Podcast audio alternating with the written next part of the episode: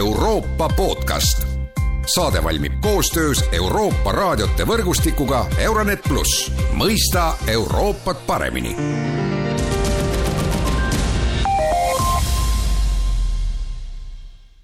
kolmapäeval võttis Euroopa Komisjon vastu kiibimääruse, millega peaks tagatama Euroopa Liidu senisest parem juurdepääs kõrgtehnoloogilistele kiipidele ja tagatama selle juhtpositsioon pooljuhttehnoloogia ja rakenduste vallas.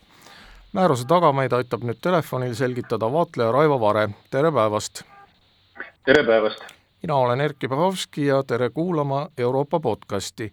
no sinu jaoks äh, loomulik on, et, et Äh, see Kiibi määrus äh, ja Euroopa Liidu soov omandada siis äh, suurem osakaal kiipide tootmises ja, ja, ja tagada parem varustatus, on ju tingitud ikkagi rohepöördest. Et, et see jääb see kõik ju selle taha kinni no ma isegi oleks selles suhtes veel, mõtleks järgi, kumbast ta ikka rohkem sõltub, sellepärast et Euroopa Liidul on tegelikult kaks kõige tähtsamat prioriteeti ja üks on siis rohepööre ja teine on digitaliseerimine.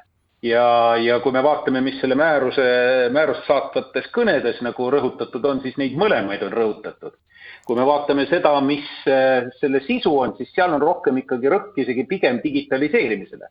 sest olgem ausad, kiibid on täna peaaegu kõiges, mis meid ümbritseb ja kiibid, kiibi, kiipidest sõltub see, kuidas meil tehnoloogiline areng toimub ehk siis ilma kiipideta ei ole mõeldav enam tehnoloogia areng ja Euroopa tahab olla tehnoloogilises arengus esirinnas. ja kui me vaatame, millele ta rõhku pani, Euroopa Komisjon, kui ta selle välja kuulutas, siis ega ta seal nii-öelda rohepöördest rääkis ikka vähem.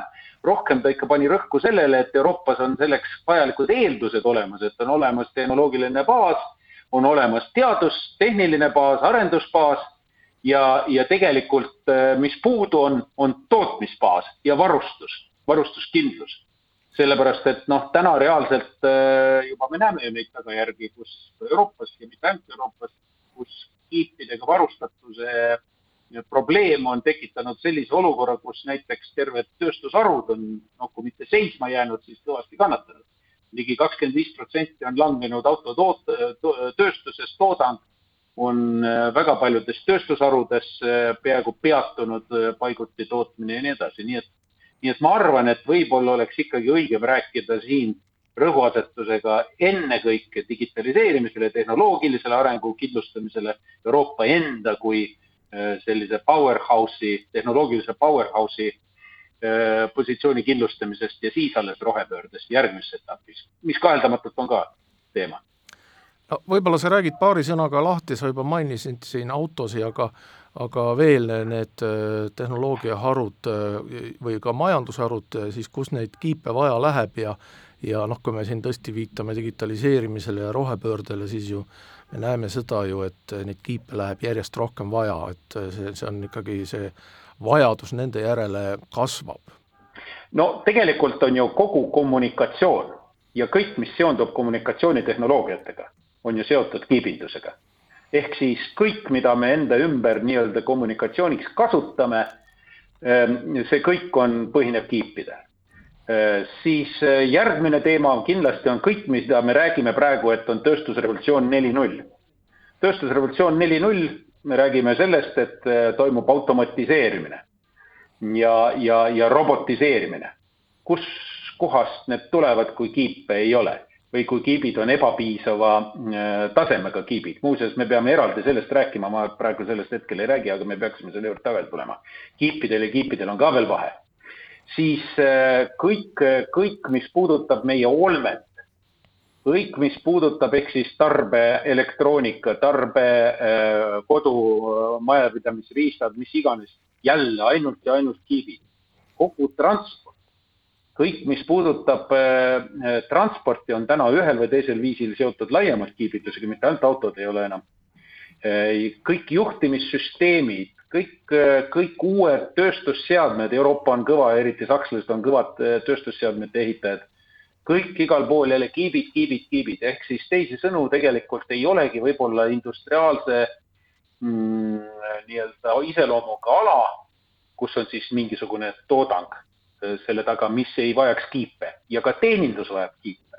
ja, sest see on seotud väga paljus ka kommunikatsiooniga ja, ja, ja teenuste osutamine on seotud aparatuuriga, mis, mis on tegelikult ühel või teisel viisil sõltub kiipidest, nii et kiibid on meie elu vallutanud ja nüüd siis Euroopas on aru saadud, et Euroopa on hakanud maha jääma kiibindusest ja just nimelt probleem on selles, et äh, meil on, meil on küll see tehniline võimekus ja teaduslik arengu, arendusvõimekus, millest äh, enne oli põgusalt mainitud, aga mis meil puudu on, on võimekus toota kiipe ja toota seejuures neid siin ja kohapeal. ja miks me sellest räägime, sellepärast et on olemas äh, nii-öelda masskiibid või suurem osa kiipidest, mis on tegelikult kasutuses, on eh, eelmiste põlvkondade kiibid, aga need kõige olulisemad kiibid on need, mis on nõndanimetatud uue põlvkonna kiibid, nelja ja vähema nanomeetriga kiibid, mis, mida tegelikult üheksakümmend kaks protsenti maailma kiipidest toodetakse Taiwanis. sa kuulsid õieti? Taiwanis. jaa, ma tean seda ja, ja siit ongi hea edasi minna noh, selle loogilise küsimusega, et noh, et komisjoni pressiteates öeldakse ka selgelt, et Euroopa Liit tahab äh, kindlustada ka neid tarneahelaid ja kiipidega varustatust, mis vähemalt praeguses staadiumis ju eeldab, et, et äh, need kiibid tulevad Taiwanist. Järelikult on Euroopa no., Euroopa Liidu eluline huvi see, et äh, Taiwan'i iseseisvus säiliks, et et Euroopa Liit peaks siis toetama Taiwan'i, see aga omakorda muudab keeruliseks suhted Hiinaga, kellega samuti Euroopa Liit äh, soovib äh, paremini läbi saada, paremini kui USA no tegelikult on nüüd selline, ütleme, mul on kohe konkreetsed andmed ka välja tuua. Äh, Taiwanis toodetakse tänase päeva seisuga kuuskümmend kolm protsenti kõikidest maailma kiipidest ja üheksakümmend kaks protsenti viimase põlvkonna kiipidest. ja teisel kohal on Lõuna-Korea, kus siis on põhiliselt on see Samsung ja siis on veel DB Hightech väike, väikese osaga, siis seal toodetakse kaheksateist protsenti kõikidest maailma kiipidest ja omakorda siis järele jäänud kaheksa protsenti viimase põlvkonna kiipidest. teistes riikides, kelle hulka kuuluvad Euroopa Liidu riigid, Ühendkuningriik, ka Ameerika Ühendriigid, kus on tegelikult olemas väga tugev disainivõimekus, kus tegelikult toimub arendustöö, aga seal neid ei toodeta, eriti veel see käib viimase põlvkonna kiipide kohta.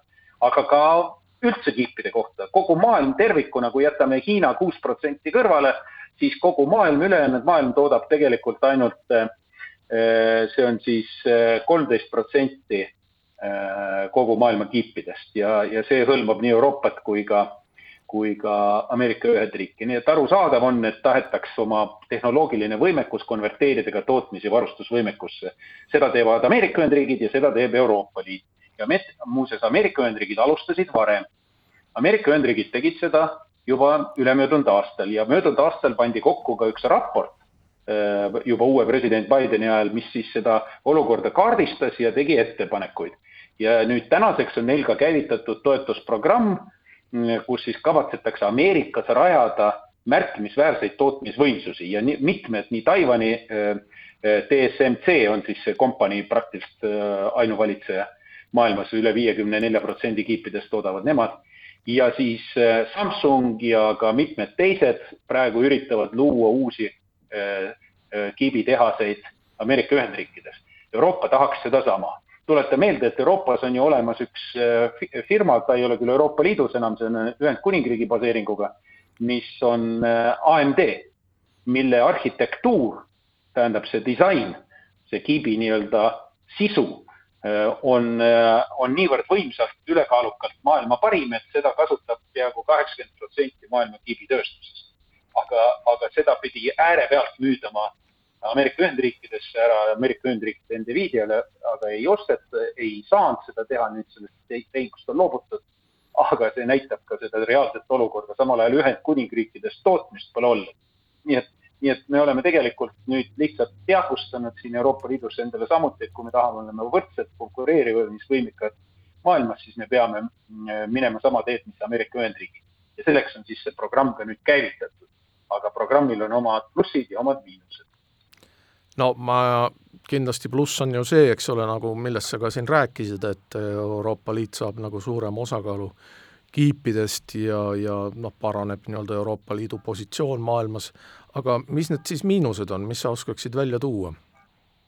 no kui ma vaatan näiteks silme ees olevat tabelit, kus on maailma kümme suurimat kiibitootjat, siis seal on Ameerika Ühendriigi, Korea, Taiwan, aga millegipärast ei ole mitte ühtegi Euroopa Liidu riiki ega Euroopa Liitu kui sellist olemaski ja, ja, ja, ja, ja see on üks miinus, eks ole, me oleme nigela stardipositsiooniga praegu.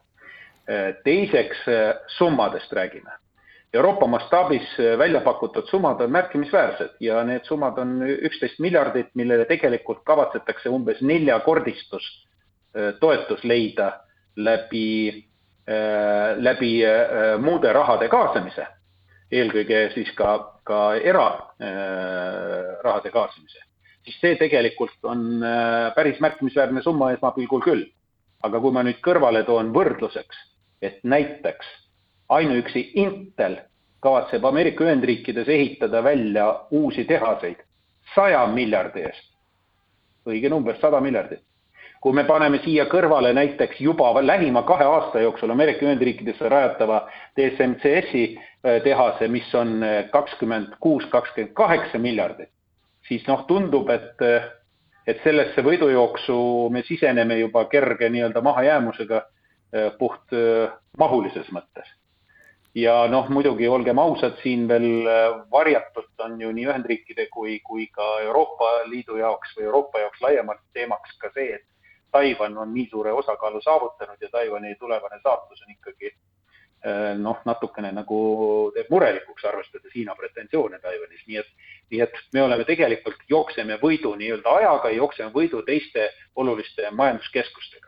Ja tegelikult nüüd võtmeks saab olema see, kuivõrd hästi me suudame seda ressurssi, olgu teda rohkem või vähem, aga seda ressurssi kokku pakkida, ära kasutada ja võimalikult efektiivselt seejuures. ehk siis, kui hästi õnnestub käima joosta äh, riiklikud toeprogrammid, kui hästi sellesama programmi raames õnnestub siiski käivitada ka Äh, alustavate ehk startup firmade äh, keskkond, kellel on väga oluline roll siin, eriti just sellistes arendustegevustes, mida, mida võib-olla laiem publik ei teagi, aga mis on tehniliselt, spetsiifiliselt võib väga palju tulemust andnud.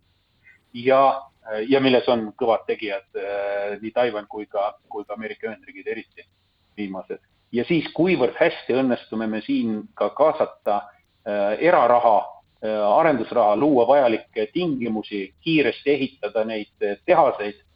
Noh, me teame, kui keeruliselt käib bürokraatia Euroopa Liidus, et mõnda tehast püsti panna. lihtsalt pole aega enam selliseid mänge mängida.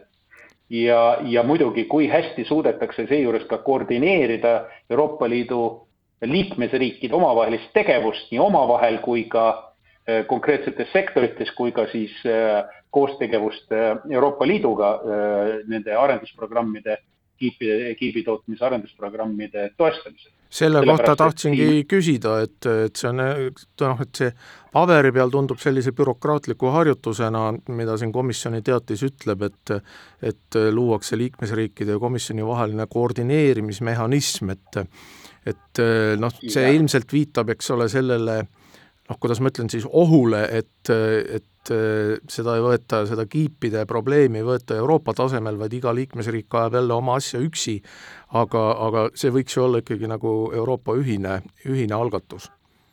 No kui me rääkisime ju praegu hetk tagasi nendest võrdlevatest summadest, siis tegelikult ei ole isegi võimalik teisiti läheneda, sest fakt on see, et meil on siinsamas külje all, eks ole, endise Euroopa Liidu liikmesriigi territooriumil ja suures osas selle riigi nii-öelda teadustehnilisele potentsiaalile toetuv eh, maailma valitsev eh, kiibi arhitektuuri ja disainifirma AMD.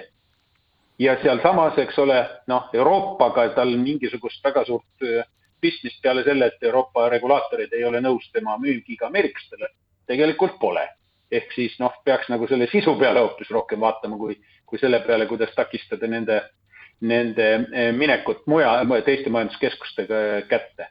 nüüd teine näide on sakslased. sakslased on kuskil mingi protsent koma kohaga kiibitootjad maailmas, Saksa tööstusriik, tohutu gigant, tohutu ekspordipotentsiaaliga, just tööstusliku potentsiaaliga riik, aga isegi nemad ei suuda toota kiipe piisavalt, järelikult tuleb siin kuidagi kombineerida neid jõupingutusi ja see koordineerimismehhanism, mis õieti siin alles hakkab kuju võtma vastava suure nii-öelda ettevõtte näol ja, ja, ja, ja mingisuguste ühiste programmide tegevuste näol, see tegelikult noh, ei ole, kuidas seda öelda, aega ei ole nagu hoogu võtta, juba peaks tulistama, aga me alles hakkame seda mehhanismi kujundama.